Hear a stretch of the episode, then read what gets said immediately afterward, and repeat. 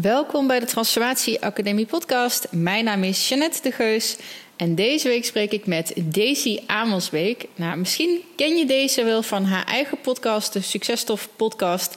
Ik vond het heel erg cool dat we gewoon een meeting hebben gedaan. Zij interviewde mij voor haar eh, podcast en ik op mijn beurt haar. Nou, Daisy um, interviewt namelijk niet alleen maar inspirerende mensen.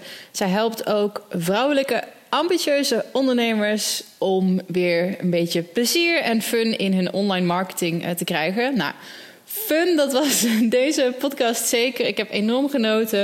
Ik vond het heel erg leuk om met Daisy over uh, intuïtie te praten, zelfvertrouwen, doelen stellen en haar kijk op nou, succes als uh, onderneemster. Um, ik hoop dat je geniet van deze aflevering. Ik zie je heel graag ook volgende week weer. Want Volgende week is best wel een beetje een mijlpaal. Volgende week is namelijk podcast nummer 50. Um, ehm, ik ben nu ruim een jaar bezig. Ik vond het heel leuk om gast nummer 1 nog een keertje terug uit te nodigen. Dus dat is Leroy Naarden. Anyways, voordat het zover is, gaan wij eerst eventjes naar Daisy luisteren. En nogmaals, uh, geniet ervan. Ik hoor heel graag wat je ervan vindt. Um, laat een review of een rating voor me achter. Of beter nog, abonneer je op de podcast. Share hem in je stories. Doe er iets leuks mee. Um, tot volgende week.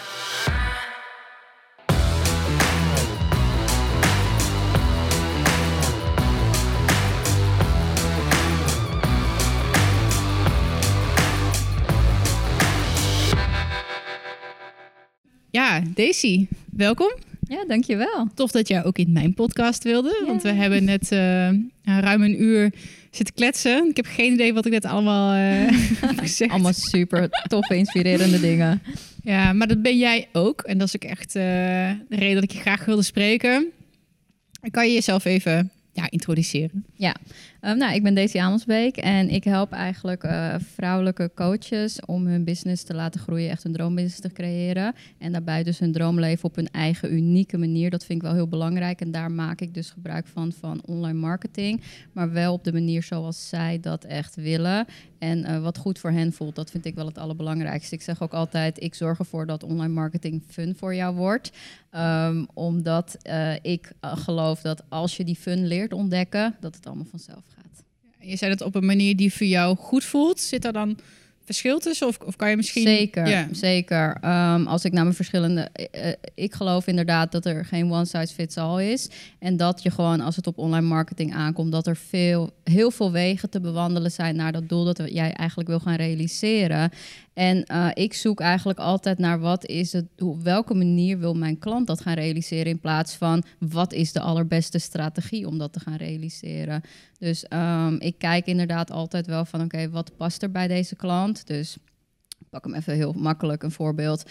Um, Facebookgroepen doen, kunnen het goed doen als je een bedrijf wil op gaan bouwen. Maar er zijn heel veel mensen die zeggen van ja, maar ik wil die tijd er niet in stoppen. Ik heb geen zin om zo'n community op die manier op te bouwen en te creëren. Dan kan ik wel zeggen, ja, maar het is een hele goede strategie, dus je moet het doen. Maar dan ga je ook uiteindelijk die energie daarin krijgen die ja, niet gaat helpen. Dus vandaar dat dat is voor mij echt op een unieke eigen manier. Ja, ja. Wat is daar het meest, uh, het mooiste voorbeeld of het meest bijzondere wat je daarin hebt gedaan?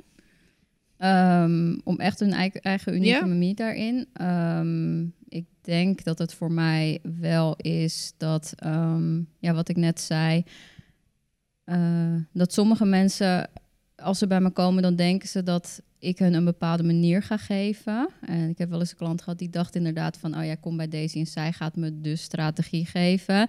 En toen werd zij echt aan het denken gezet, oh ja, maar wat wil ik eigenlijk? Weet je, en voor haar was dat de allereerste keer dat ze daar echt over na ging denken. Dat ze echt na ging denken van wat wil ik eigenlijk en hoe wil ik het eigenlijk. En inderdaad, um, met welke elementen wil ik daarin gaan werken. Want ze dacht altijd van, ze had ook heel veel online programma's gevolgd van ja, maar het moet zo. Mm. En daar haalden ze dan niet de resultaten mee, totdat ze inderdaad bij mij kwam en dat ze realiseerde, oh ja, maar het mag ook anders. En toen ze zichzelf die ruimte gunde, ja, toen ging het ook voor haar rollen.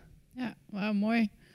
Wat denk je waarom... Uh, dat, is, dat is denk ik een valkuil voor ondernemers. Ze willen voldoen aan plaatjes misschien, of hoe het dan hoort. Waardoor, of hoe kun je dat doorbreken? Los ehm, van een coach vinden die vragen gaat stellen van... Uh, ja, wat wil jij dan? Nou, ik werk heel erg vanuit intuïtie. Ehm, en bij mij is, het klinkt heel zweverig. En ik ben echt niet zweverig, ik ben eigenlijk super praktisch. maar uh, ik werk heel erg vanuit intuïtie. En ik leer ook echt mensen van jouw intuïtie. Je, je hebt het antwoord al. Alleen er zitten tien lagen overheen. Tien lagen van social media, van je, van je, van je vrienden, van, uh, nou ja, noem het de televisie, weet je, alles wat je in je opkrijgt, uh, wat je tot je neemt, die lagen zitten er bovenop. Maar er is altijd dat die intuïtie die je leidt tot waar je naartoe wil gaan en ook zeg ik eigenlijk moet gaan om echt je, ja, hoe zeg je dat, je missie daarin te gaan vervullen en echt daarin um, ervoor te zorgen dat jij ook de anderen zo goed mogelijk kunt gaan helpen. En ik denk dus dat als je daarnaar gaat luisteren, dat je dan ook echt wel dat juiste pad keer op keer op keer op keer gaat bewandelen. Maar juist omdat we als ondernemer beginnen en denken: oké, maar iemand anders gaat het wel ons vertellen, raken wij zo ver verwijderd van onze intuïtie dat we uiteindelijk niet meer goed daarnaar kunnen luisteren. En wat ik eigenlijk doe, is uh, eigenlijk ook weer een stukje in contact brengen met ga daar in ieder geval naar leren luisteren en ga kijken wat je vanuit daar hoort. Ja, ik vind het een heel mooi thema, intuïtie, en dat houdt me ook wel bezig. En ik vind het ook nog wel lastig, want uh, je, ik weet niet hoe jij dat dan ziet mm hoor, maar als ik denk van ja, oké, maar wat wil ik? Wat zegt mijn intuïtie? Wat zegt mijn onderbuik? ik kan dat mijn hoofd een soort van niet uitschakelen. En dan ga ik een soort van discussie met mezelf aan. Een soort van tweestrijd ja. tussen wel doen, niet doen. Wel, weet je wel, uit deze situatie stappen, in deze situatie blijven, weet je wel. Uh, mijn angsten onder ogen zien of, of nee, dat is gewoon een slechte keuze. Van, Wat is het dan? En hoe, hoe voel je dat het intuïtie is? En, hoe zit je dat, dat je dat het hoofd is? Ja, ja. Um, allereerst denken wij heel erg, en dat, dat dat dat intuïtie iets is dat we um, mee moeten zijn geboren en om daar goed in te zijn of zo. Terwijl ik zeg altijd, het is een spier. Dus op het moment dat je die spier gaat leren ontwikkelen met alles, dan zul je ook veel krachtiger daarin gaan worden. Dus wat jij eigenlijk zegt van ik vind het moeilijk, dat komt eigenlijk neer op een stukje vertrouwen erin hebben.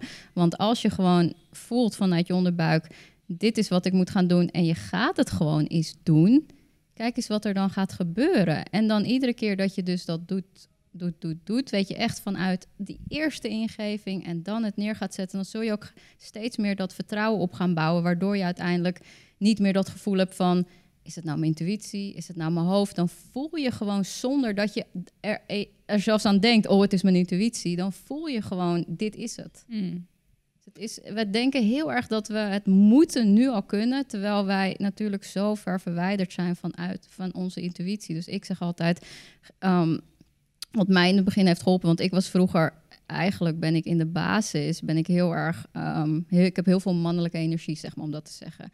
Um, praat even niet in die termen liever, maar ik heb heel veel, weet je, ik ben heel erg van het doen, hard werken, heb ik altijd vanuit huis meegekregen. Dus heel veel doen, hard werken. Mijn ouders werkten ook alle twee keihard. En dat heb ik eigenlijk meegekregen. Dus mijn intuïtie is heel erg uitgeschakeld geweest. Totdat ik inderdaad op een gegeven moment, nou, ik zeg dat is misschien zeven jaar geleden alweer, echt daarmee in aanraking kwam. En beetje bij beetje dus echt uh, daarmee heb leren werken. Dus inderdaad, uh, ik ben gaan schrijven. Nou, mijn intuïtie klinkt misschien heel gek van, wat ga je dan doen? Ja, ik stelde mezelf op papier een vraag. En wat ah. er dan uitkwam, dat schreef ik op. En iedere keer in het begin is het spannend dat je dan een antwoord krijgt dat je denkt, ja, maar als ik dat ga doen, help en mijn hoofd neemt het hoe over. Hoe werkt dat? Dan ga je gewoon.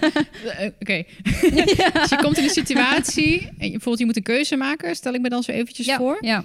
Um, nou, noem eens een voorbeeldje van een keuze waarbij ja, ik, je dat ik kan, een, heel, ik kan een heel voorbeeld geven. Ik, um, ik ben uh, in mijn ondernemerscarrière ben ik als tekstschrijver begonnen. En op een gegeven moment liep dat heel goed. En toen kwam ik tot de realisatie, oké, dit is niet wat ik wil. Maar ik was heel erg bang voor dat stukje geld. Want mijn onderneming ging hartstikke goed. Ik verdiende er goed mee. En eigenlijk wilde ik iets anders doen. Um, maar dat betekende dat ik dan ook afscheid moest nemen van al mijn klanten. En toen kwam er dus op dat moment kwam er dus een klant, een nieuwe klant. En die kwam, zei Daisy, ik wil heel graag met je samenwerken. En ik wil, um, zoveel uur van je afnemen. Weet je, want dat was echt behoorlijk wat uren voor mij. Dat ik dacht, wow, dan kan ik echt nu ook een heel team gaan. Weet je, dus het ging al helemaal in mijn hoofd lopen. Wat als ik deze klant aanneem, wat gebeurt er dan? Maar toen ben ik ook echt, omdat ik in mijn hoofd wist van, maar is dit wel de juiste stap? Of dat je je toch dat afvraagt, ben ik ook echt aan mijn intuïtie gaan schrijven. Oké, okay, ehm, eh, moet, ik, nou, moet ik de keus maken om, voor, om haar als klant aan te nemen? En toen kreeg ik daar een antwoord uit van, wat gaat het je brengen? Want wij denken ook gelijk dat onze intuïtie ja of nee zegt, maar dat is niet zo. Uh, neem, neem, ons eens mee. Gewoon eventjes, oké, okay, situatie super herkenbaar. Dan ga je zitten met, op papier? Ja, ja, ja. je okay. gewoon pen en papier. Pen en papier ja. en dan ga je zelf letterlijk, je schrijft ja. die vraag uit. Ja, en dan... En dan? Wat ik dan doe, is dat ik even mijn ogen sluit en dan het eerste wat in me opkomt. Het hoeft, it doesn't make sense sometimes. Weet je wel, soms dan schrijf je iets heel raars op wat ik zeg. Eigenlijk verwacht je in je hoofd een ja of een nee. Maar bij mij kwam eruit, wat verwacht je hieruit te krijgen? En toen dacht ik echt, maar dit is geen antwoord op mijn vraag. ik vroeg, moet, weet je. Maar dat is hoe je intuïtie werkt. Um, soms dan moet je je eerst iets realiseren voordat je echt die keuze kan maken. Dus toen ben ik, oké, ehm, wat was het van, uh, waarom, weet je, waarom? Toen had ik als neergezet van, omdat um, het mij een stukje rust geeft in mijn financiële situatie. Um, en dat wil ik gewoon heel graag. En toen had ik daar neergezet van, is dat dan niet wat, weet je, is dat dan wel de juiste keuze? Zoiets. Ja, dus je schrijft je hele gedachteproces, inclusief de vragen die er komen. Je schrijft gewoon helemaal... Ja je gaat gewoon schrijven tot, uh, tot je klaar bent. Ja, en toen inderdaad kreeg ik, nou ja, tien vragen verder of zo kreeg ik er inderdaad uit, maar meer vanuit mezelf van. Maar um, dus nee, het is niet de juiste keuze om haar aan te nemen. En toen heb ik ook echt, echt, ja, echt die keuze niet gemaakt. En uiteindelijk heb ik dus echt de keuze gemaakt om daarmee compleet mee te stoppen. Want ik ben iemand van alles of niets. Maar om echt daar compleet mee te stoppen. En deze business te gaan runnen. En binnen drie maanden had ik gewoon iets neergezet wat ik niet eens binnen een jaar, zeg maar, toen had neergezet. Dus dat is het. En daarom geloof ik daar zo erg in. Maar we blijven zo in ons hoofd zitten en verwachten zoiets vanuit het intuïtiegedeelte. Het moet er op die manier uitzien. Want jij zegt nu onderbuikgevoel. Ik hoor het. Klinkt heel raar, maar ik kan het horen. Uh, maar andere mensen zien kleuren. Andere mensen voelen het in hun keel. Andere mensen um, voelen het misschien ergens anders. Dus het is niet alleen maar onderbuikgevoel. Het is ook gewoon echt gaan ontdekken... wat is de manier hoe mijn intuïtie met mij communiceert. Ja. ik denk dat je er, als ik jou zo praat... dat je vooral heel erg open moet staan. Ja. Ik hoorde, hoe heet ze dan ook alweer, die geluksdocenten... Uh, Mirjam Spithold. Mm -hmm. um, volgens mij een keer heel mooi omschrijven dat het, het is ook een, een fluisterstem. Mm. Weet je wel, het is niet een, een brulstem nee. die jou vertelt dat is ons hoofd die ja. allerlei meningen heeft en nee, niet doen, ben je helemaal gek. Maar dat dat veel subtieler is. Ja. En um, en het is die eerste, echt die eerste ingeving. Wat we heel vaak wel horen, maar niet erop vertrouwen. Of het niet durven uh, erop vertrouwen van, was dat nou goed? Maar dat sloeg nergens op. Um, laat maar. Weet je wel, huppakee, hoofd weer aan. ik vind dat schrijven echt heel mooi. Dat uh, ga ik zeker een keer proberen. Want ja, ik, ik um, schrijf, ik journal wel eens. En vaak voor mij is de manier, en het is niet weet je, lief dagboek, maar dan, uh, dan speelt er iets in je mm. hoofd. En, wat er in je hoofd in gedachten gebeurt, dat het vaak een soort van loepje wordt. En schrijven, ik dacht van waarom is dat nou zo effectief? Want ik heb ook wel eens dat begin ik en dan ga ik gewoon maar schrijven wat er in me opkomt. Ik weet dan van tevoren niet precies waar het dan eindigt. Mhm. En vaak eindigt dat met iets van, oh, dat had ik van tevoren niet, niet bedacht. Ja. Ik denk dat het een beetje hetzelfde is. Nou, ik zal eerst even deze gedachte afmaken. is dat als je schrijft, dwing je jezelf tot een soort van rechtlijnige manier van denken of zo. En in je hoofd kan, kan het, soort van ja. kan het nog heel chaotisch blijven. En um, het vind het heel grappig waar we net in de podcast met jou uh, over hadden. Um, toen benoemde ik Leroy en ook dat hij zei van het is zo fijn als mensen je vragen stellen, want dan kom je op antwoorden die ik eigenlijk van die ik niet wist dat ik ze in me had. Maar eigenlijk het is super slim. Dat is precies hetzelfde eigenlijk wat je op papier met jezelf kan doen. Ja. Oh, wauw.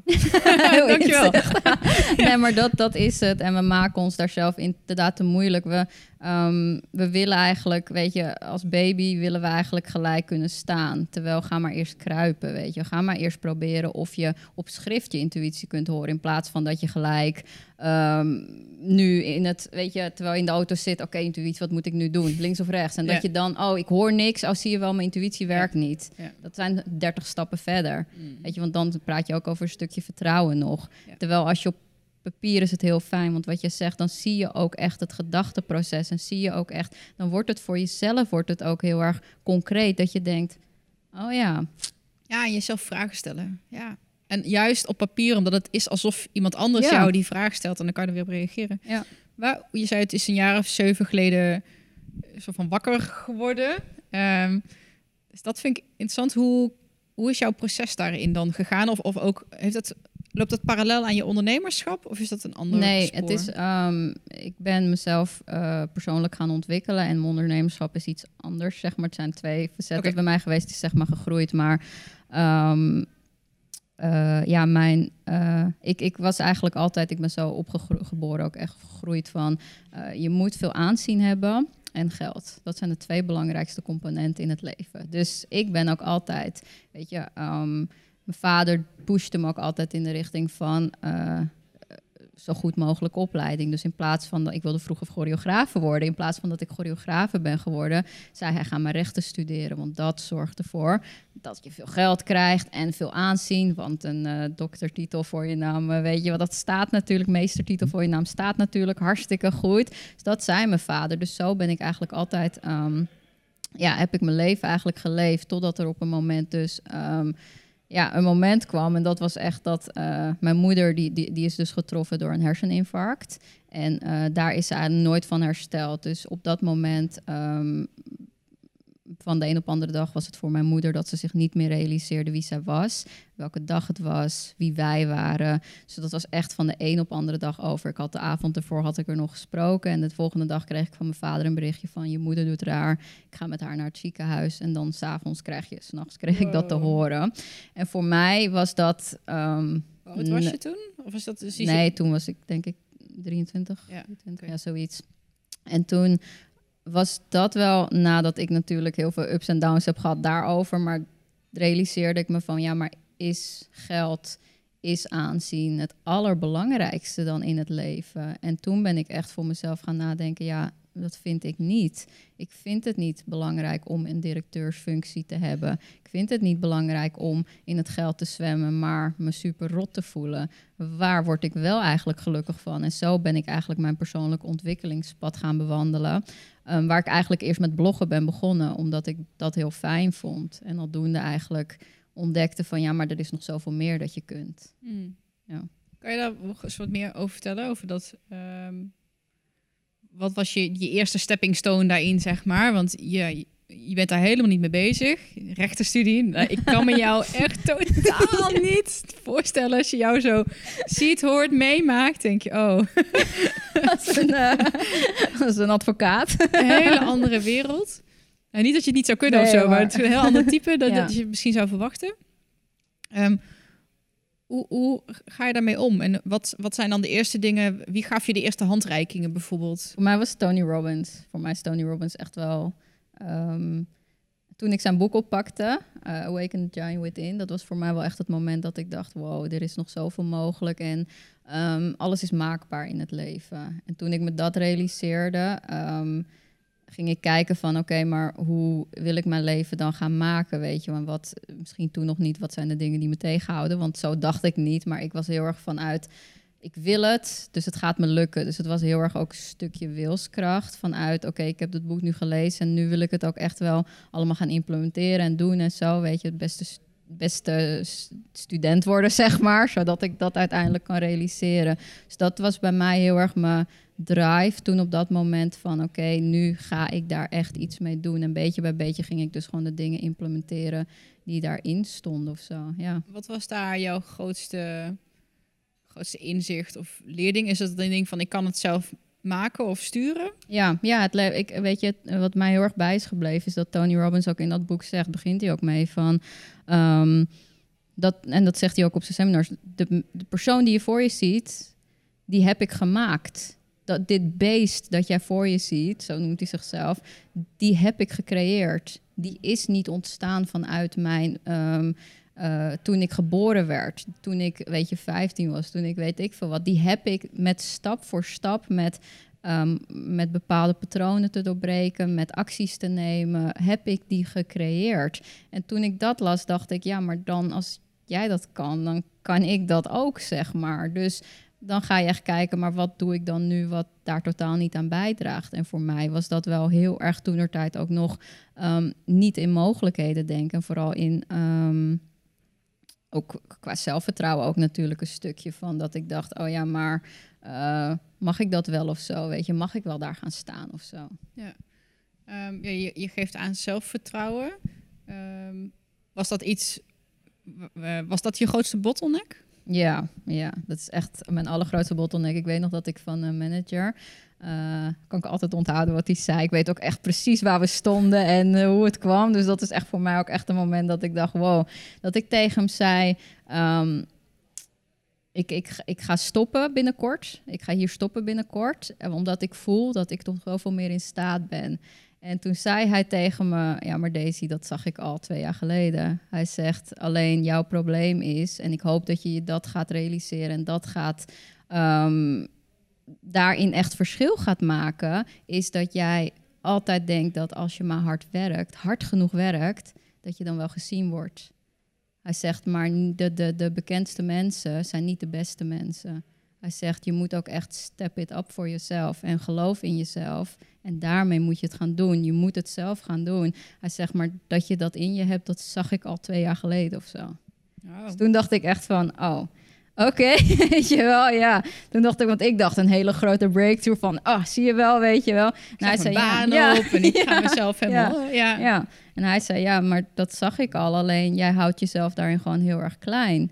Uh, omdat je inderdaad um, gewoon denkt dat als ik maar hard werk, dan kom ik er wel of zo. En hoe, hoe heb je dat aangepakt? Want ik denk dat het echt wel een heel interessant thema is, zelfvertrouwen. En dat, ja, weet je, als vrouwelijke ondernemer je zei het zelf al, heeft veel mannelijke energie. Ja. Ik mocht het niet energie noemen. Ook wel interessant waarom dat dan niet mag. Maar ja, weet je, als, als succesvolle vrouwelijke ondernemer um, het lijkt wel alsof je dan alsof je dat geen issue mag zijn, alsof je dan niet zenuwachtig mag zijn of ja, maar ik koppel het zelfvertrouwen moet. Uh... Ja, maar ik koppel het niet aan niet mag zijn of weet ik wat, maar ik koppel het wel aan dat je um, wel in jezelf moet geloven. Ik zeg ook altijd, als jij niet in jezelf gelooft, hoe kan dan een ander in jou geloven? En daar is wat het vaak mis in gaat. En we hadden het er ook in mijn podcast net over over dat imposter syndroom. Komt bij vrouwen natuurlijk heel veel voor. Um, en als je daar niet waakzaam voor bent en daar niet uh, in ieder geval um, iets mee gaat doen, of in ieder geval denkt: oké, nou speelt dat stemmetje op en dat is niet waar, zul je altijd maar in die uh, stroom blijven van dat je jezelf eigenlijk heel erg klein aan het houden bent, terwijl dat niet nodig is. En um, hoe oefen je dat? Want ja, goed, ik kan me voorstellen als je luistert dat je denkt. Ja, ik heb eh, ten eerste niet door, zeg maar, dat ik dat stemmetje ook niet hoef te geloven. Ehm, maar dat, ja, alleen maar dat realiseren. Wat voor stappen heb jij daar bijvoorbeeld in gemaakt? Weet, heb jij oefeningen gedaan of bepaalde... Ja, zeker. Um, klinkt heel stom, maar ik heb bijvoorbeeld ook met affirmaties ben ik begonnen. Ik geloof er ook echt in dat wat je... Uh, en dat is natuurlijk ook uh, in Think and Grow Rich van Napoleon Hill... dat hij dat zegt van... Um, je kunt jezelf herprogrammeren. je bent een computer en je kunt jezelf helemaal herprogrammeren hoe je dat wil. Uh, en dat is inderdaad wat ik ben gaan doen, stukje bij beetje. Dus oké, um, ik had gedachten over, ik ben niet slim genoeg of zo, want dat had ik het idee. Heb ik gezegd van, ik ben de slimste vrouw die er maar bestaat op deze wereld, weet je. En dat gewoon gaan herhalen. Uh, mensen zitten niet op mij te wachten. Ik ben super inspirerend en mensen zitten mij wel op mij te wachten. Dat soort dingen gewoon keer op keer te gaan herhalen. En um, ook niet erg vinden als je het een keer niet voelt. Want dan, daarin gaan we dan weer hard zijn van ja, maar nu moet ik het gaan voelen. Nee, je moet het gewoon tegen jezelf gaan zeggen. En dat je de eerste keer niet gelooft, is echt niet gek. De eerste keer dat ik tegen mezelf zei, dacht ik, dit gaat echt nergens naartoe. Dit gaat nergens op slaan. Maar als je het gewoon, en ook niet eens iedere dag tien keer of zo. Maar als je het gewoon wel bewuster vaker gaat doen, zul je merken dat er ergens dus in je hoofd, geen idee, misschien dat jij weet hoe dat werkt, maar ergens in je hoofd dat echt verandert. En dat je echt wel beetje bij beetje denkt van, ja, maar ik ben zo, weet je, want het is gewoon wie ik ben. je stelt me net die vraag van hoe het dan werkt. Ja, ik zie, ga meteen scannen. Zo, hmm, ken ik, weet ik hoe dat werkt? Maar ik denk het eigenlijk wel. Als je kijkt naar de psychologische mechanismen. Um, het heeft te maken met dat we als mens graag ons gedrag... We willen graag consistent gedrag vertonen. Een cognitieve dissonantie, dat is ook een ding. Dus dat als je uh, je gedraagt je volgens A, maar in je hoofd denk je B... Mhm. Dat vinden we niet fijn. Uh, dus we gaan op zoek naar, we gaan of B veranderen of A veranderen. Want anders dan, dan uh, weet je, dat is niet consistent. Dat, dat vinden we niet leuk. En als jij gewoon tegen jezelf zegt, ik ben A, ik ben A, ik ben A, maar je gedraagt, weet je, dus ik denk dat het, dat het daar een beetje mee te maken heeft. Dat we gewoon graag consistent willen zijn in onze opvattingen. Ja. Als ik tegen mezelf zeg, ik ben succesvol, uh, dat ik mijn gedrag en mijn overtuigingen ook daaraan aan ga passen. Omdat ik anders continu frictie heb in mijn hoofd. Het klopt niet. Dus ik denk dat het, dat het daarmee ja, te maken en weet je wat het is? Mensen denken ook heel erg... Um, weet je, met zelfvertrouwen denken ze ook dat er ook, net als met online marketing overigens, iets magisch is waardoor je het gaat veranderen. Maar het is gewoon kleine, weet je, kleine veranderingen doorvoeren in wat je nu uh, doet of zegt. Want heel veel vrouwen praten ook daar dat, dat, weet je, omdat ik dat natuurlijk vaak hoor, um, zie ik dat ook heel snel. Dat ze best wel vrij negatief praten over zichzelf. Dan denk ik, maar als jij eerst op je taalgebruik gaat letten, moet je eens kijken wat er gaat veranderen. En dat is zo'n kleine iets, maar mensen begrijpen niet dat dat zoveel impact kan hebben. We willen inderdaad dat ik nu tegen je zeg, nou dit zijn de vijf stappen, zijn mega groot, maar dan heb je ook een mega groot resultaat. Ja, nee, dat, dat is er niet studenten vroeg het vorige week volgens mij nog aan me. Het ging over roadmappen. En ik heb dan ook zo'n lijntje uh, van mij privé. En daar staan ook gewoon hoe wat voor mensen ik wil, wat ik, wat ik belangrijke waarden vind. Uh, en zelfverzekerd stond er ook op. Zelfverzekerd en wijsheid en vrijheid. En, en toen vroeg ze ook ja, maar roadmap is natuurlijk fijn als je kan afvinken. een check, done.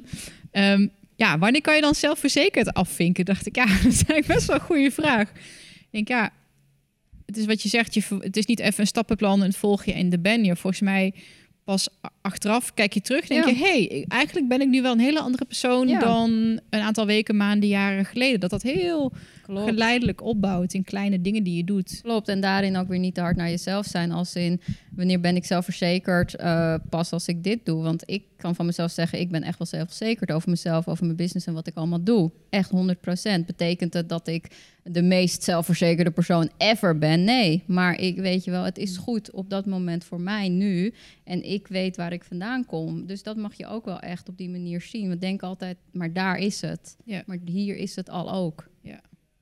Wat was, op welk moment was jij het minst zelfverzekerd? Zeg van ja, weet je, ik mag wil wel laten zien waar ik ook vandaan kom. Toen ik uh, jong was, ik ben vroeger ook gepest. En um, dat was voor mij wel een moment dat ik dacht van, uh, weet je wel, ja, dat was voor mij wel um, best wel heftig. Want uh, ik, nou, even, ik, ben, ik ben zelf geadopteerd, zeg maar. Dus ik kom ook uit een.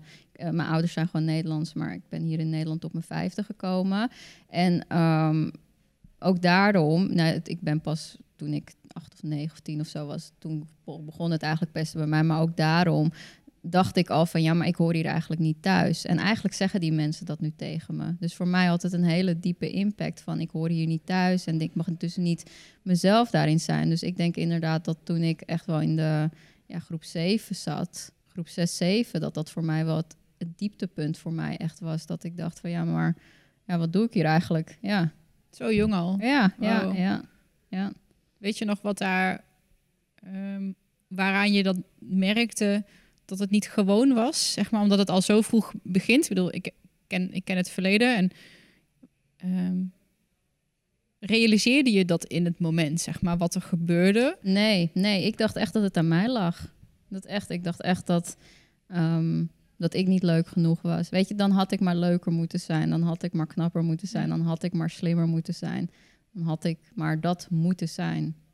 Dus het was echt, ik was het, zeg maar. Ik was het probleem. Zo, zo, zo dacht ik ook. En later ben ik inderdaad, ja, dan ga je daar natuurlijk op terugreflecteren en denk je, ja, klopt eigenlijk helemaal niks van. Weet je wel, ja, ja. Ja, ik, ik ben ze achteraf misschien zelfs wel een soort van dankbaar. Mm, ja. Van ja, weet je, zonder alle shit um, die er is gebeurd, was ik waarschijnlijk ook niet de persoon geweest die ik nu ben. En het is niet dat het dan in het moment leuk is. Um, ik weet niet meer waar ik dat laatst hoorde. Die zei ook zoiets ja, weet je, je, je alles wat er tegen je opbotst tijdens je leven. En vaak is dat je familie, weet je wel, want ja, dat, en of je, je collega's. Of, dat zijn allemaal prachtige momenten om te kunnen groeien en te ontwikkelen als persoon. Als je je daar, als je het op die manier bekijkt. Mhm. Ehm, is dat iets waar je zelf ook in herkende dat je dat juist wel als een soort van slachtofferrol of, of ja. negatieve. Dus, dit is natuurlijk heel positief. Nou, oh, wat fijn dat jij jezelf kan ontwikkelen daarmee. Ja, fuck you. Ik vind het gewoon zwaar of moeilijk of kut. Dus ik voelde me uh, down. Nee, ik denk dat ik van jongens af aan wel dat had. had want um, nadat ik ben gepest, ben ik eigenlijk heel erg in de rebel gaan gegaan. Dus echt uh, rebellion uh, to the max, zeg maar. Dat ik echt dacht van ja, maar nu wil ik echt, nu ben ik Daisy, weet je. Want nu gaat iedereen weten dat ik Daisy ben. Maar toen realiseerde ik me ook al wel dat dat voortkwam uit dat ik me dus toenertijd heel erg onzeker en heel erg ja, niet, niet 100 voor 100% vertrouwen in mezelf. Dus toen ging ik de andere kant op. Dus voor mij was het toen al eigenlijk dat leerstukje dat ik dacht, ja, maar dit is niet wat ik wil. Ja. Ik ga iets anders doen, was niet volledig helemaal 100% goed. Maar het was wel dat ik dacht, maar dit wil ik niet. En ik denk dat het daar wel mee begint. Ja. het is een mooie les, een les uh, zelfvertrouwen. Eh, merk je dat nu ook in je ondernemerschap, dat, dat dat nog speelt? Of dat je daar anderen mee... Dat de thema's bij je klanten zijn. ik merk het namelijk de mensen die door mij gecoacht willen worden. Ik herken er altijd heel veel van mezelf in. En zo werkt het natuurlijk, weet je wel. Want dat is gewoon... Uh, omdat jij dat hebt moeten leren kan je dat dus ook aan een ander overdragen. Ja, ik zeg altijd de grootste les die je in het leven hebt te leren... is ook vaak de les die je aan anderen meegeeft. Of inderdaad, uh, um, wat ja, je, je, klanten zijn eigenlijk altijd een weerspiegeling van jouw proces... of waar jij doorheen gaat of waar jij in zit, zeg maar. En um, ik merk heel erg dat ik... Um, nu wel veel krachtigere vrouwen aantrek. Het is grappig om te zien. Maar ik heb ook wel Um, ik heb echt wel affiniteit ook met vrouwen die um, dat stukje nog wel daarin te leren hebben. Of omdat ik weet um, wat het ze kan brengen op het moment dat ze dat wel kunnen gaan neerzetten. En niet inderdaad van nu heb ik een magische pil en nu ben ik er. Maar gewoon stap voor stap dat kunnen ontwikkelen. En dan misschien over één à twee jaar naar zichzelf kunnen kijken en denken: wow, hier kom ik vanaf. Ik had toevallig een klant en zij, uh, ik ken haar al een tijdje. En um, zij zei tegen mij van, um, ze liet me een foto zien van vier jaar geleden of vijf jaar geleden. Ze moest een schilderij maken. En ze liet me een foto zien van wat voor schilderij ze had gemaakt. Uh, toen hoe ze zich voelde en hoe ze zich wilde voelen. En toen vier jaar geleden had ze zo'n heel donker schilderij met een poppetje met haar handen voor haar ogen en weet je dat soort. En ze wilde zich eigenlijk voelen als een bloem die open ging. En toen zei ze van, het is heel grappig om nu te realiseren dat ik me die bloem voel. Ja. Ja, hoe mooi is dat, weet je wel? Dat je van jezelf kan zien van, maar het is al zoveel gegroeid. En kijk waar ik nog meer zou kunnen komen dan. Ja. Ja, dat, dat zit ook dat stukje maakbaar wat je zei van uh, Tony Robbins.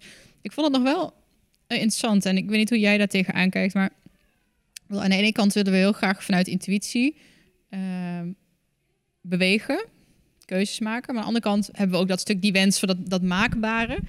Wringt dat bij jou wel eens? Of denk je dat die twee naast elkaar kunnen? Ehm, en hoe zouden we dat dan wringen volgens jou? Nou ja, als je zegt van wat hij dan zegt van hè, het beest wat je oh. ziet, dat is wat ik heb gemaakt. Ja. Uh, oh. ja. Uh, dat is wat ik heb gemaakt. Ja, dat. dat uh, ik denk soms van ja, maar.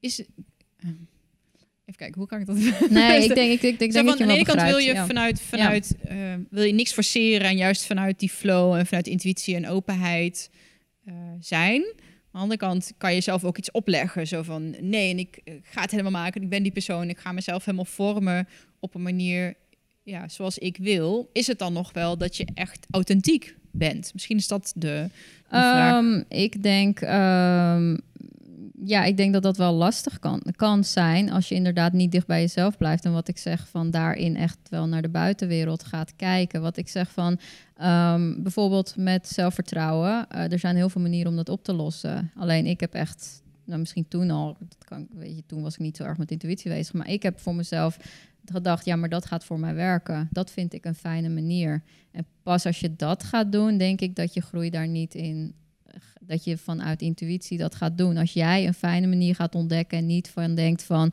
maar zo moet het. Want er zijn echt honderden wegen die naar Rome leiden om zelfvertrouwen te krijgen, om productiever te worden, om uh, te groeien met je business, om weet ik veel wat, zelfs topsporter te worden. Er zijn zoveel wegen die naar Rome leiden. Dus daarin, als je iets niet goed voor je voelt, moet je dat ook los kunnen laten.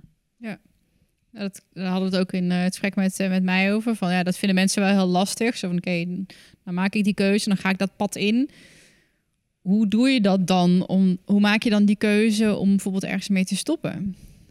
Of... Ja, daar ben ik een heel slecht voorbeeld in. Ik ben daar echt een heel slecht voorbeeld in. Want jij zei ook van. Uh, um, wel dappere keuzes, maar niet roekeloos. En ik neig een beetje wel naar het roekeloze. dus dat, is, dat ben je hele slecht heb je aan mij. Want ik ben echt wel, als ik iets wil, dan gaat het ook zeg maar gebeuren. Dus ik uh, wilde, weet je, ik wilde ondernemer worden. Ja, ik teken dan niet, weet je, het is prima. Maar ik tekende niet ervoor om daarnaast ook nog in loondienst te zijn. En vanaf daar mijn business op te bouwen. Nee, ik wil het gewoon gaan doen. Ja, het was een beetje roekeloos toen tijd. Maar weet je, ik dacht, dat moet wel goed komen. Weet je wel, ook dat naïviteit erin. En net zoals mijn ene business willen stoppen voor een, een nieuw idee.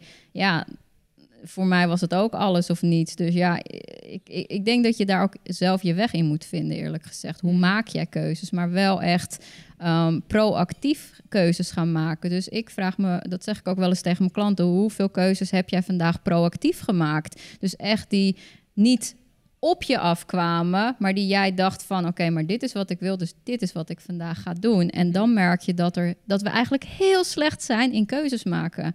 Want we reageren alleen maar op situaties en we maken nooit bewust keuzes. Ja. En als je dat vaker gaat doen, zul je ook merken wat jij een fijne manier vindt om daarin keuzes te maken. Want ik geloof echt dat roekelo, of nou in ieder geval dat echt eh, dat je gelijk alles opzegt en dat gaat doen, kan net zo goed werken als iemand die een fulltime baan heeft en het langzaam af gaat bouwen. Ja. Maar maak een keuze, dat is eigenlijk wat je zegt. Ja, maak een proactieve. Ja, ga echt proactief daarin staan. Ja, en hoe kan je dat nog beter faciliteren voor, je, voor jezelf? Als je voor jezelf weet van, dat vind ik eng of lastig of moeilijk of, of ik weet niet ja, dan misschien weer van, ik weet niet wat mijn intuïtie dan tegen me zegt. Ja, wat mijn keuze zouden zijn. Ja, maar dat, ik denk dat dat voortkomt uit een stukje ook echt niet vertrouwen. Echt daar niet, weet je, ik, um, volgens mij zei dat ook, het universum werkt met je mee. Het, weet je wel, de universe has your back. En als je dat gaat leren geloven, dan weet je ook dat het hoe dan ook wel goed zal komen. Weet je wel? Um, en noem het naïviteit bij mij, maar ik geloof daar echt wel in dat het, weet je, um, wel goed op wat voor manier dan ook zal komen. Ja, uh, net als met mijn moeder voel ik me prettig over hoe het nu met mijn moeder is. En zeg ik van, um, dit, is, dit is de hemel en ik ben hartstikke happy. Nee, maar ik heb er wel een weg in gevonden. Ik heb wel de keuzes gemaakt die bij mij passen, die bij mij horen, waardoor ik wel gelukkig ben. Weet je wel, dus ja, ik denk, ja, ik denk wel dat je echt... Uh, ja, wat zei ik nou? Proactief, ja, proactief daarin je keuzes moet maken. Ja. Wat, wat, wat is je meest roekeloze keuze geweest? Um, een business coach uh, aannemen terwijl ik het geld niet had. Ja. En uh, ja, de business coach zijn dan allerlei, verschil, voor allerlei verschillende budgetten. 10.000 euro, ja. En ik had dat geld niet. En ik, had, ik kon twee termijnen betalen. En ik ik dacht van, nou, ik ga het gewoon proberen. En ik had, nou, ik had het met mijn vriend besproken en hij heeft wel een vaste baan. Maar hij zei wel tegen me, sorry Daisy, maar ik ga je niet helpen.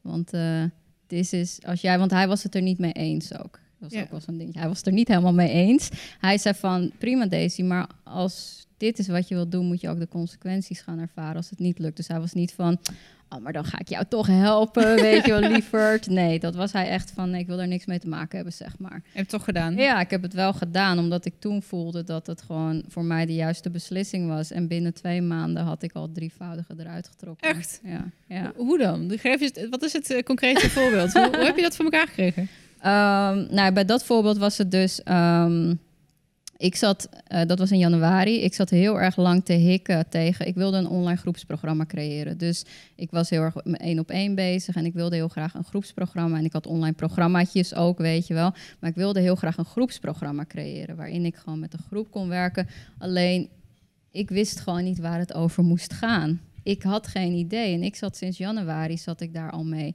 En toen in maart, toen heb ik eigenlijk de beslissing genomen van, nou, ik moet hier iemand voor hebben, want het gaat me niet in mijn eentje lukken.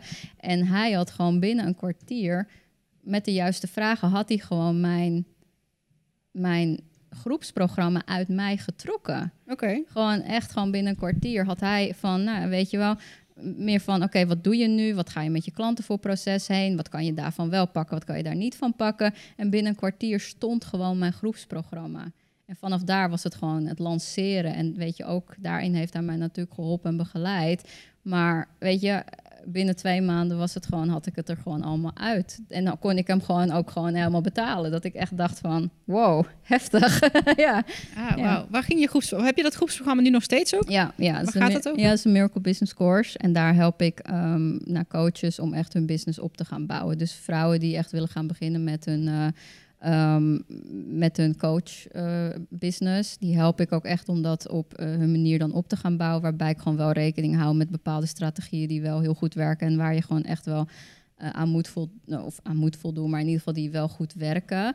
Um, en um, voor mij is, was het wel heel belangrijk. Want wat ik zeg, ik geloof niet in online programma's waar je geen hulp krijgt. Want je kan nooit op jezelf reflecteren. Als ik jou tien vragen stel op papier wie is jouw ideale klant, kan jij het wel een heel goed verhaal vinden. Maar het betekent niet dat de buitenwereld het goed verhaal vindt. Dus ik vind wel altijd dat er, weet je, wel die um, conversatie moet zijn. Van, ja. klopt het? Is het zo? En dan kun je door gaan pakken. En daarom vond ik het wel belangrijk om die momenten er wel in te gaan bouwen. Dus daarom wilde ik ook heel graag een groepsprogramma waarin ik wel dat kon faciliteren. In plaats van alleen maar hier heb je de stof succes ermee of zo. Ja. Ja, tof. Ja, klinkt heel, heel waardevol. En wat zei je vriend toen je eenmaal dat geld had? Ja, die ik kan me voorstellen dat dat een ja. heel leuk moment oh, is dat geweest. was een heerlijk I moment. told you so. ja, het was echt een heerlijk nee, helemaal moment. geen ego-ding of zo. Nee. nee, maar hij zegt wel van... Ik had ook wel vertrouwen in je hoor. Maar weet je wel, je moest het... Hij is wel van dingetje van... Want heel veel mensen denken dan van... Ja, maar jij hebt het makkelijk, want jij hebt een vriend die werkt... Dus jij kan op hem terugvallen. Maar ook hij zegt wel echt van... Sorry, maar jij dit is het pas die je hebt gekozen. Supergoed. Ik sta achter je. Ik weet 100% zeker dat je het gaat maken... Maar ik ga niet in alles je opvangnet zijn. Helemaal niet als je zulke beslissingen gaat maken waar ik totaal niet achter sta. Hmm. En wat trok je dan over de streep om het dan toch te doen? Ja, mijn gevoel. ja, ja. Het, is echt super nee, ja. stom. Maar ja, ik ging gewoon inderdaad ja, echt naar mijn intuïtie en zeggen van moet ik met hem werken? En toen kreeg ik echt een ja, kreeg ik iets van wat. Um, wat wil je dan gaan bereiken of wat wil je doen of zo of zoiets. Uh, denk je dat het je gaat helpen? Zoiets was het. En toen had ik gezegd ja, want ik wil dat programma. Toen zegt, nou, daar heb je je antwoord. Het was ook super kort volgens mij. Ja. ja. Ik zat net te bedenken. Misschien dat ik dat... Ik heb in de allereerste Vision Quest die ik heb gedaan... Uh, dat is dus niet afgelopen jaar, maar het jaar daarvoor... ben ik mezelf... Uh, ik, dat had ik ergens een keer in een podcast gehoord of zo. Dat iemand had dat in een ayahuasca-ceremonie met zichzelf gedaan. Dat je een soort van rapid-fire questions aan mezelf ben gaan stellen mm -hmm. op papier. Uh, ik weet ze niet meer letterlijk, maar meer van, uh, uh, weet je, wat is mijn kracht? Ja. Wat kom ik hier doen? Weet je, die, gewoon aan dat je zegt, pats, pats, ja. pats, pats, pats, de antwoorden. En ik zat inderdaad net te denken dat ook, volgens mij de laatste twee vragen, ik was toen heel erg gek op iemand en dat ik ook, maar dat was echt uitzichtloos. En dat dan toch, weet je, aan het einde van die vraag van, gaan wij een relatie krijgen? Ja. Weet je, en volgens mij ook, ga ik het WK winnen? Nee. En denk ik echt, nou, mijn intuïtie zat er eigenlijk toch niet zo heel ver naast. Want uiteindelijk nu, uh, anderhalf jaar later, was het inderdaad ja, nee. Ja. Terwijl, hoe, hoe kan je dat nou van tevoren... Want het was zo uitzichtloos en zo'n WK winnen. Ja, weet je wel, waarom ga je dan van tevoren tegen jezelf zeggen nee? Weet ja. je wel, waarom ga je dan nog überhaupt meedoen? Ja. Heel, heel... Uh... Maar ook daarin, stel dat je dus wel die connectie gaat zoeken met je intuïtie... kun je dus vragen gaan stellen van, maar waarom niet? Wat ontbreekt er dan? Ja. Snap je? Want daar, je gaat in je ego zitten, maar je kunt je ego ook daar dan weer in loslaten. Of je hoofd daar wel in loslaten van, wat, wat weet je, waarom, waarom zeg je dit eigenlijk tegen me? Want dit is heel erg niet leuk voor mij, zeg maar. ja, niet motiverend of zo. Ja. Ja. Ja, ik had dat ook nog niet eerder gedeeld van die, van die relatie. Maar goed, inmiddels hebben we een relatie, dus dan maakt het niet meer zo uit. Maar ja, grappig hoe dat werkt. Ja, maar dat is echt vanuit je intuïtie. Wat echt ook die rap, het is eigenlijk hetzelfde. ik vraag mezelf af, is het dan ook niet eigenlijk een soort van self-fulfilling prophecy? En dat dacht ik toen van ja, als ik tegen mezelf zeg nee, ik ga het niet winnen. Of nee, dit bedrijf wordt niet succesvol. Zo van, eh, zet ik mezelf dan ook niet op voor dat het dan niet gaat lukken, snap je? Ja, ik, ik denk ergens wel natuurlijk, want dat zeg ik. ik een van de belangrijkste dingen is overtuigingskracht. Dat is tweede tijdens het WK trouwens. Dus, Net niet. maar een van de belangrijkste dingen is overtuigingskracht. Dus als jij er niet in gelooft, ja, wie moet er dan in geloven? Ja. ja. dat je dan in je intuïtie zegt nee, dat je ook denkt, ja, maar godverdomme, maar ik wil het wel. Ja, maar dan, dat is wat ik zeg, dat is vanuit je hoofd. En wat ik dan heel erg vaak doe, is inderdaad. En Ehm, wat ik dan heel erg vaak doe, is dat ik uh, gewoon echt ga vragen, maar waarom niet? En wat, wat, wil je, wat wil je hier dan mee zeggen? Weet je, klinkt heel vaag en heel raar. Maar je kan uiteindelijk daarmee wel een antwoord krijgen dat je denkt... oké, daar kan ik iets mee. Want ik kan niet zoveel met ja en nee, want dat zegt voor mij niks. Zie je het als iets wat buiten jou plaatsvindt? Of nee, als een, echt helemaal in jou? Ja. Nee, ik geloof uh, niet dat. Uh, ik geloof wel de wet van aantrekking, maar ik geloof niet dat er um, allemaal dingen aan het werk zijn. Om weet ik veel wat. Ik denk dat je heel veel zelf daarin ja, kan. je onbewust eigenlijk. Ja, onbewust, ja. ja. Hey, je zei van uh, mannelijke energie of vrouwelijke energie, ik wil dat zo eigenlijk niet noemen. Ja, je snapt dat ik dan toch even moet gaan vragen. waarom niet? Ik vind dat we in de tegen, tegenwoordig in deze tijd heel erg gefixeerd zijn op mannelijke en vrouwelijke energie. En alsof dat slecht of goed zou zijn. Terwijl ik denk van het, is allebei. Je hebt het alle twee nodig. Maar het is ook, de een is gewoon actie en de ander is gewoon flow. En dat kan je het ook gewoon noemen. Weet je, wat is nu echt zo'n big thing van, oh ja, ik zit niet goed in mijn vrouwelijke energie. Dat ik denk, ja, ik zit niet goed in mijn broek. Ja, weet ik van nee, maar weet je wel, ja, nee, maar dat is zo'n. Het is soms vind ik dat wij ons achter zulke termen ook verschuilen en dat we daardoor bepaalde acties niet nemen of niet 100% verantwoordelijkheid nemen of onszelf niet ermee durven te confronteren. Wat is nou die laag eronder? Want het is heel makkelijk gezegd. Ik zit niet lekker in mijn vrouwelijke energie, dus daarom lukt het niet. Ja, wat heb je voor actie genomen? Ja, niet zoveel eigenlijk. Ja. Ja, het is een soort smoesje, uitvlucht ja. dan eigenlijk, wat ik eigenlijk hoor zeggen. Ja, en dat is wel wat ik vaak zie en hoor, zeg maar. En daarom zeg ik die termen. Ehm, weet je, tuurlijk geloof ik in, uh, weet je, um, je moet actie nemen, maar je moet jezelf niet kapot werken. Ja, weet je, dat is gewoon uh, vanzelfsprekend. Maar betekent dat dat je daarmee, ja, ik zit niet, dat je daarmee dan niet goed in je vrouwelijke energie zit, denk ik, ja. Oké, dus ja. meer, dan weet ik bij de, niet, ja. ik dacht van, oh, Noem jij, vind jij jezelf bijvoorbeeld uh, spiritueel? Zou je, zou je jezelf ehm, zo omschrijven? nou, ik heb net een hele tijd over intuïtie gevraagd. Nee, ik dacht eerst dat je het zo bedoelde van, oh, vrouwelijke energie. Dat, zo, oh, dat zijn termen die, die niet bij me passen, maar nu snap ik hoe je hem ja, bedoelde. Nee, zo, maar ik ben wel echt intuïtief. Ik ben wel intuïtief. Ik ben wel uh, spiritueel. Ben ik echt wel. Ik geloof echt wel dat er meer tussen hemel en aarde is. En um, holistische aanpakken geloof ik ook echt wel 100% in. Hebben me ook wel geholpen. Maar het moet niet een uitweg gaan zijn voor wie jij bent. En nogmaals, die verantwoordelijkheid die je in je leven moet gaan pakken als je bepaalde dingen wil gaan realiseren. En dat is wat er nu wel eens vaak van gebruik wordt gemaakt. En dat vind ik zo zonde. Ja, ik hoorde net ook een woordje uh, ownership uh, noemen. Waarin uitzicht dat voor jou? Of hoe, wat is dat voor jou? Voor mij is het 100% verantwoordelijkheid is gewoon um, weten uh, dat de acties die jij doet, dat de gedachten die je hebt, dat die uiteindelijk consequenties, dat wat je zegt, dat dat consequenties heeft. En dat, dat, dat je daarmee blij moet zijn als dat gebeurt. Dus als jij zegt, oké, mijn actie vandaag is de hele dag Netflix te gaan kijken, in plaats van um, aan mijn uh, bedrijf te werken, moet je er ook 100% content mee zijn. Want het is jouw verantwoordelijkheid dat je bedrijf dan misschien op dat moment niks gebeurt. En dan moet je niet gaan zeuren. Ja, maar um, zie je wel, mijn bedrijf loopt dan niet. Ja, ja dus je houdt het bij, uh, bij jezelf. Ik weet nog dat ik vrij recent nog een gesprek met iemand had.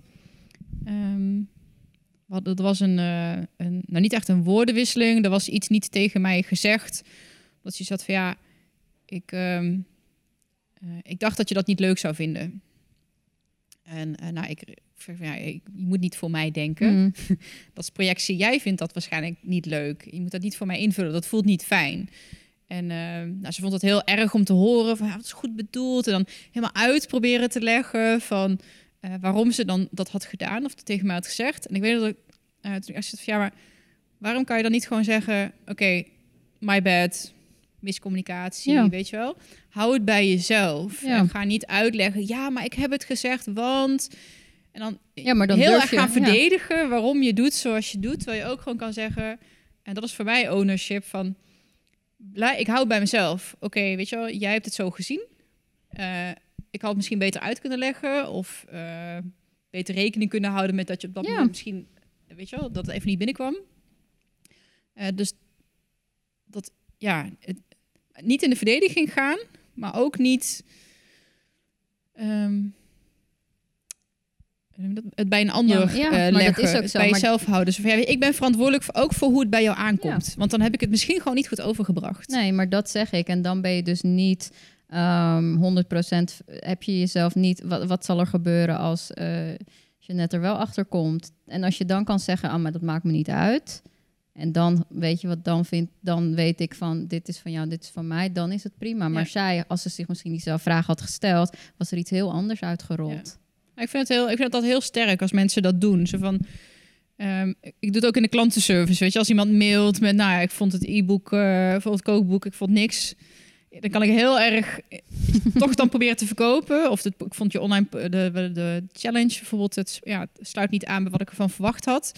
Dan denk oké, ja, dan heb ik het blijkbaar niet goed overgebracht. En dan ga ik, weet je, meteen je geld terug. En weet je, in plaats van heel erg dan, dan toch proberen te overtuigen bij de ander waarom, het, nee, wel, waarom ze het verkeerd zien. Ik denk, nee, zij zien het zoals ze het zien. Daar kan ik niks aan veranderen. Ik hou het echt bij mezelf. Ja. Dus, ah, my bad. Weet je wel, uh, dan moet ik het beter uh, overbrengen. Klopt. Ja. Nee, maar dat is ook zo. Ja, en andersom ook. Misschien heb jij dat ook wel. ik had al het NK gewonnen. En ik, ja, ik had uh, afgelopen week het kwam echt een beetje als een verrassing. Omdat, natuurlijk, is, je krijgt het niet cadeau. Je moet wel echt iets doen. het was ook echt heel zwaar. Um, maar ik zoiets had van, oh, maar ik heb eigenlijk helemaal niet zoveel getraind. En ik werd echt door een vriend van mij mijn vingers getikt. Zo van, don't be that girl die dan een 9 haalt, weet je wel. En zegt, oh, maar ik heb helemaal niet geleerd hoor. weet je wel, super irritant. Dus daar mag je ook echt ownership over nemen. Van ja, je bent sterk, je bent fit. Uh, je hebt fucking goede techniek ja, je kan nog veel fitter, sterker uh, zijn dan dat je nu op dit moment bent. Je kan ook veel beter dan wat je nu op laat zien. Maar je bent nog wel gewoon dan de beste van Nederland. Hmm. En dan oh, dat ik, shit, weet je, ook dat ja. doe je zo makkelijk dat je denkt, ja, nee, weet je wel, maar uh, dat je er ook gewoon voor mag gaan staan. Voor je prestaties. En niet alleen uh, ownership mag, ne mag nemen over je fouten. Of je leer, je valkuilen, je leermomenten, maar ook over wat er goed gaat. Ja, klopt inderdaad. En daarmee kun je dan ook, weet je, in plaats van um, dat je dan bijvoorbeeld heel veel geld moet verdienen of zo. Als jij tevreden bent met wat je hebt, dan kun je ook zeggen van ja, maar dit, dit zijn de prestaties die ik heb geleverd waar ik heel gelukkig mee ben. En dit is gewoon voor mij goed. Weet je wat, dat is die verantwoordelijkheid pakken. Maar dan niet gaan zitten piepen als je dan niks meer doet. Ja, maar ik verdien dat niet. Ja. ja. ja arme ik. Ik moest de hele dag Netflix kijken. ja. ja, en dat is wel wat ik vind dat we nog, nog wel eens te weinig... Um, ja, dat er nog wel eens te weinig wordt genomen. Als jij twee dingen, denk ik, 100% verantwoordelijkheid en um, zelfintegriteit, dat zijn echt twee van de belangrijke e-, componenten in mijn optiek, die je als ondernemer echt wel tot je moet nemen. En zelfintegriteit vind ik dat je de afspraken met jezelf nakomt die je ook stelt. Ja. Dus integer aan jezelf zijn. Dus als jij zegt, ik ga vandaag hardlopen, je gaat niet hardlopen. Ja, wie kan je... Jij bent daar verantwoordelijk voor. Kan je niet zeggen, ja, het weer. Ja. ja, superleuk. Nee, jij hebt die beslissing genomen en je bent daarin niet integer naar jezelf geweest. Dus wat gebeurt er? Hoe meer je dat doet, hoe minder integer je gaat worden. Want dat is niet iets wat in je systeem zit. En hoe meer je leert om integer daarin naar jezelf te zijn en de keuzes die je maakt, hoe makkelijker dat wordt om wel die acties keer op keer te gaan nemen. Ja, bedenk me dat net ineens, als ik dat zo hoor zeggen. We hadden het over affirmaties te straks. Op het moment dat jij je niet aan je eigen afspraken houdt, ben je ook onbewust een negatieve affirmatie naar jezelf. En zeggen van je bent het niet waard om je aan die afspraken te houden. En daar kan je zelf ook helemaal in programmeren. Dat je afspraken aan jezelf helemaal niet zo belangrijk nee, zijn. Klopt, maar je dat zegt is A, je doet B. Je gaat daar toch ergens die cognitieve dissonantie, je gaat daar een brug tussen bouwen. En dat kan de goede kant op zijn of de verkeerde kant op zijn. Ja. ja, en als je daar niet bewust van wordt, dan gaat het vaak inderdaad de verkeerde kant. Want dat is de makkelijke weg. Ja. Wat, wat, was jouw, wat is jouw grootste les eh, op dit moment? Of waar, wat, waar zit je nu in? In welk ontwikkelproces? oh, een hele goede. Ehm, nou, ehm, heel grappig. Ik dacht dat ik nog een stukje te verwerken had van... ik ben niet... Ik, ik, dacht heel lang, ik ben niet inspirerend genoeg, weet je wel. Dus ik kan dit niet doen of zo. En ehm, ik dacht dat dat nog steeds best wel dwars zat. Totdat ik ja, ergens kwam en er kwam uit... Ja, het was even een context is even niet belangrijk, maar ik kwam daar en er kwam uit van dat is niet jouw probleem meer. Jouw probleem zit er nog steeds erin dat jij um, niet gewoon wilt zijn. Jij probeert altijd nog, weet je wel, maar niet gewoon, weet je wel, ik ben, weet je, zijn, weet je wel. En dat is de les die jij mag gaan leren door gewoon, gewoon te zijn dat het allemaal prima is. Is het, bedoel je daarmee uh, dat je jezelf niet hoeft te bewijzen? Ja, nee, maar hard, harder werken dan dat je eigenlijk uh, harder werken verwachten. Weet je wel, meer discipline hmm. misschien, meer, uh, weet je wel, ik zei zelf integriteit, meer dat soort dingen. Nee, het is, weet je wel, als jij het op jouw tempo doet, dan is dat prima. En dat heeft niks te maken met dat ik dan denk, nou, de buitenwereld, oh, ik weet je wat, die zijn sneller of wat. Maar het heeft meer te maken met mijzelf en mijn proces, dat ik daar gewoon um, heel erg voor, inderdaad voor mag gaan staan op zich in dat opzicht. ja. ja. Hoe, hoe uitte zich, ik bedoel, wat was de, daar de trigger of de aanleiding voor om, om, om dat in te zien? Um, nou ja. Hoe kom je daarachter, zeg nou ja, Het was, Nou, ja, ik, dat is eventjes een ander verhaal, maar... Um, ik, uh, ik was uh, bij iemand en zij, zij werkt met, uh, als, je, als je in intuïtie wil luisteren, is dat ook een heel mooie manier. Maar zij werkt met spier, um, met, met, met je spieren of zo. Je spieren zeggen heel veel over, over je gedachten en over je patronen en dat soort dingen. Dus zij had een hele mooie. Uh, oefening. Waarin je dus echt kon checken of de, de, de, die belief die je in jezelf had, die overtuiging die je in jezelf had, of dat klopte. En dat doe je dus door middel van je spieren. En toen kwam er dus bij mij uit, ik dacht van, nou, ik denk nog steeds dat ik niet... van je spieren? Ja. Je moet hem wel even uitleggen.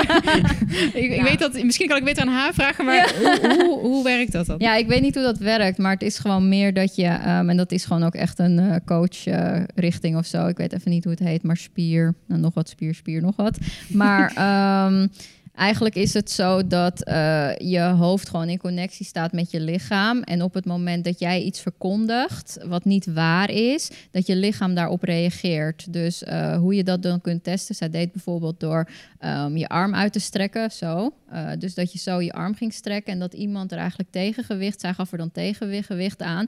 En dan moet je dus zeggen van, ik ben niet inspirerend genoeg. En als je dus dat gelooft of ik ben inspirerend genoeg. En als je dat gelooft, dan als zij tegengewicht geeft, een heel klein beetje maar, dan zal je arm niet omlaag gaan, zeg maar. Mhm. Dan zal je arm blijven staan, want je gelooft erin. En je spieren denken, hey, dit matcht, dit klopt, dus dit is helemaal goed. Als je dat niet gelooft, dan zul je merken... en het klinkt heel gek, want in, in je hoofd denk je... ja, dat werkt toch niet, je kan gewoon tegenkracht zetten. Maar echt, als je hoofd dat niet denkt... en het geen belief is, die, de overtuiging is die je echt draagt... dan vallen net alsof je spieren gewoon niet meegaan. Dus mhm. wat er dan gebeurt, is als ze dan tegenkracht geeft, dan zakt je arm. Dus dan kun je dan daarmee zeggen, maar dat is dus een geloof dat ik nog niet geloof van mezelf. Mhm. Dat is iets waar ik dan aan moet gaan werken. En ik had dus heel erg, ze vroeg aan mij, ik stond zo, zei ze, ik zeg zo van, ik ben, niet, ik ben inspirerend. En ik dacht, mijn arm gaat naar beneden vallen, want dat gebeurt niet. Maar mijn arm bleef gewoon zo staan. Dus toen zei je, je voelt hem nu ook echt. Zeg ik, ja, ik voel hem ook eigenlijk. Dus ik hou mezelf eigenlijk iets voor. En toen zei ik van, um, ik ben... Uh, ja, iets van iets met zijn, weet je. Ik kan gewoon mezelf niet zijn, maar ik, weet je, ik in al zijn glorie zijn of zo. Ik hoef alleen maar te zijn, zoiets. Dat was het, geloof ik. En toen zei ik, ik hoef alleen maar te zijn. En toen ging het wel, toen ik tegenkracht gaf, ging mijn arm wel naar beneden. Wauw. Ja. Ja, ik, ik heb um, personal training gehad van iemand die ook dat ding met de arm, precies wat jij deed. Alleen die deed dat om bepaalde spierfuncties en um, nou, niet alleen spier, maar überhaupt structurele dingetjes te testen in je lijf. Dus ik weet, ik weet hoe het voelt. Dat je echt denkt, ja, maar ik doe echt met alle mannen mag mijn arm omhoog. En dat je ook, Ja, ja. dan ging die testen. Um, bijvoorbeeld je, of je quads of je hamstrings, weet je wel. Dan Ja. raakte hij dat aan en dan moest je duwen. En als je dan als je je hand weg kon duwen, dan zat daar een dysfunctie. Ja, Ja. heel echt super bizar. Ja, maar het is ook, het is, klinkt heel raar, want ik dacht echt, oké, kom maar op, want weet je, weet je, het is zo makkelijk, ik kan toch gewoon tegenwicht geven, Ja. maar echt, je lichaam of zo, die, die zegt dan, nee, maar dit klopt niet. Ja, hij heeft, het, hij heeft echt een enorme, echt, dat is gewoon PhD-achtige opleiding Ja. ook om, om dat allemaal te testen en te leren. Het Ja. is echt super ingewikkeld. Maar ik had het nog nooit gehoord in, in een context van overtuigingen. En op zich, ja, ik denk dat ik er wel in mee kan. Dat is weer dat AB-verhaal, Ja. weet je, dat het dan, dan klopt het niet. Nee, je oh, lichaam of je hersenen ja, kunnen dat zijn, denk ik wel ergens daarin geven of zo. Ja, ik vond het ook heel Bijzonder. erg eh, bijzonder hoor. Ik dacht, we Wordt er iemand op het raam, maar dat is, eh, ja, we- volgens mij moeten we zo meteen ook uit deze, uit Ja. deze zaal. Ehm, ja, misschien moeten we dat dan eh we gaan doen, ja. doen. Is er nog iets wat je graag nog had willen vertellen, wat ik niet heb gevraagd, of wat je graag nog wil meegeven, of over, over, je- over je business, of over jou? Nee, ja, ik denk gewoon echt wel belangrijk van dat. ehm, ja, wat, wat, eh, wat je zegt, het, het leven is inderdaad gewoon maakbaar op die manier. En ehm, de mensen die we zien staan daar, of waar we tegenop kijken, of wat we denken, wauw, die zijn inderdaad succesvol. Die hebben ook gewoon, ehm, die zijn echt wel dingen gaan veranderen in hun gedrag of in hun eh, mindset, of weet ik veel wat, beetje bij beetje. Het is niet zo gebeurd van de ene dag op andere dag. En ik denk dat we ons daar heel erg bewust van moeten worden, dat we dat pad ook mogen, meer mogen gaan omarmen. In plaats van alleen als ik dan. Weet je, daar wordt heel vaak van uitgegaan. En ik geloof daar niet in. Ehm, Hoe bedoel je als ik dan? Als ik eh, zelfverzekerd ben, dan gaat mijn leven makkelijk. Als ik slank ben, dan voel ik me Mhm. gelukkig. Weet je wel, als ik 100.000 euro verdien, dan gaat mijn leven wel We geweldig zijn zijn. dan, dat- ja, niet, we zijn dan niet onverantwoordelijk, onverantwoordelijke liefde voor onszelf aan het geven. Ja. Zo van, Ja. ik vind je lief als ik dun ben, als ik rijk ben, als ik slank ben, als je aardig tegen me doet. Nee, ik vind je gewoon sowieso goed. Ja, Ja. en daarom. En ik denk dat eh, we, doordat we niet van die weg genieten, Dus echt van dat, eh, ja, die transformatie die je eigenlijk door ondergaat. Dat je ehm, daardoor dus die als dan, als ik dan creëert. En Ja. dat vind ik heel jammer, want eh, dat hoeft helemaal niet. Want Die weg is juist super mooi. Ja. Ah, tof. Ja, dankjewel. Ik vond het heel leuk om je te spreken. Ik vind echt dat je mooie dingen doet, sowieso, ook als je luistert. En ga ook vooral naar jouw podcast eh, luisteren. Successtof. Allemaal even. Ik wil tijd, ik wil opleggen dat ik niet sterrenstof zeg. Nee, succes toch? Ja. Natuurlijk, eh, eh, ja, abonneer je ook op die jou, zou ik zeggen. En je hebt een paar hele, ja, echt super fijne, mooie gasten ook gesproken. Dus ja, dankjewel voor wie je Ja, bent en wat je doet. En ja, ehm, voor wat je in de wereld. Ja, bijdraagt. dankjewel. Ja, jij ook heel erg bedankt daarvoor. Dus ja, heel erg blij ook. ja, Tof. Dankjewel. super. Dank je.